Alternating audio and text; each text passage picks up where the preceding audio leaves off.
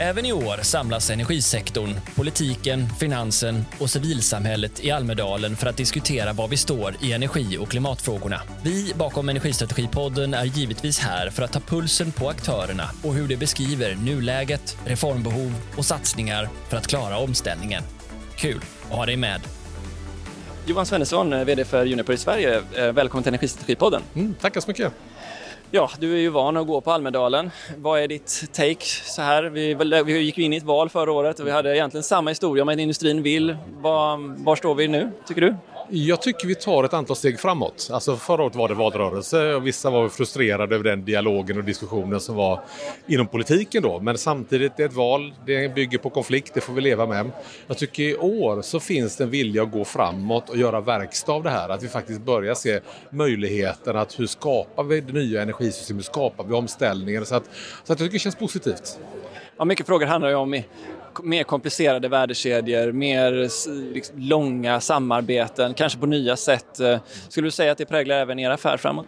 Nej, men det gör det. Alltså, vi, vi är ju, traditionellt i Sverige är vi ju ett elbolag. Kraftproduktion från kärnkraft, vattenkraft, värmekraft, systemstabilitet. Nu växer vi kraftigt på vätgas och elektrobränslen. Så nu knyter vi ihop industrisektorn med transportsektorn, med elsystemet, med vätgasproduktionen, vilket är ju jättespännande.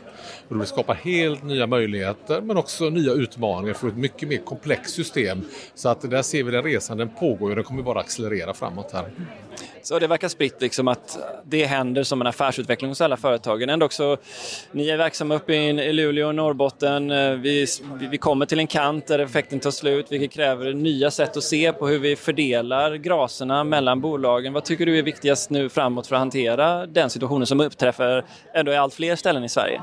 Jag tror första steget, för det är en komplex fråga och egentligen ingen överraskning, för vi har ju sett att vi kommer ha ett stort behov. Vi vet ledtiderna för att få fram ny effekt, både produktionskapacitet och transmissionskapacitet. Så det är ingen överraskning igen.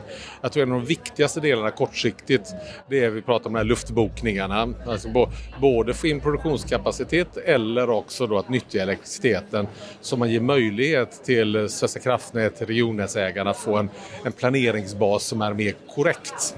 Och för nu blir det ibland lite race för att boka kapacitet och då blir det ju inte rätt kapacitet. Så jag tror det är den viktigaste delen att man får ner det så vi ser det riktiga behovet. Sen måste vi jobba igenom processen och hitta sätt att kunna hitta rätt system för det. Tycker du att regeringen är på frågan? Jag tycker Man gör väldigt mycket. Man tillsätter väldigt många utredningar. Man agerar väldigt mycket på det. Man förstår frågorna. Och nu kommer det vara en utredningsperiod. Alla vill vi komma fram till lösningar då. Men jag tror vi måste också ge den tiden. För det här är stora investeringar som vi kommer att leva med under lång tid. Och det gör att gör vi det rätt kommer det bli jättebra. Gör vi det fel, då blir det dyrt och då har vi inte en svensk industri som kan bära kostnaderna. Ni är ju också, som alla vet, ju en, en central del av svensk kärnkraftsproduktion. Eh, vad är ditt betyg än så länge för regeringens eh, arbete med att eh, få igång planeringen av ny kärnkraft? Jag vill inte sätta några betyg, utan jag bara kan ju konstatera att det man sa före valet, det, det exekverar man på. Vi har ju sagt länge på Uniper att vi vill ha alla fossilfria teknologier. Nu har man gett godkännande havsbaserade vindkraftverk, man ser till på förutsättningarna för ny kärnkraft och då levererar man ju på både skapa det fossilfria systemet oavsett vilket produktionsslag och det tycker jag är bra så att vi får bort det här stigmat mellan produktionsslagen för det ska vi lägga långt bakom oss. Så det blir lite mer konkret, stigmat sjunker kanske något. Ehm, är du också positiv och ser du tendenser här i Almedalen om att politikerna närmar sig varandra apropå det här med långsiktiga spelregler och energiöverenskommelser eller vad man ska kalla det?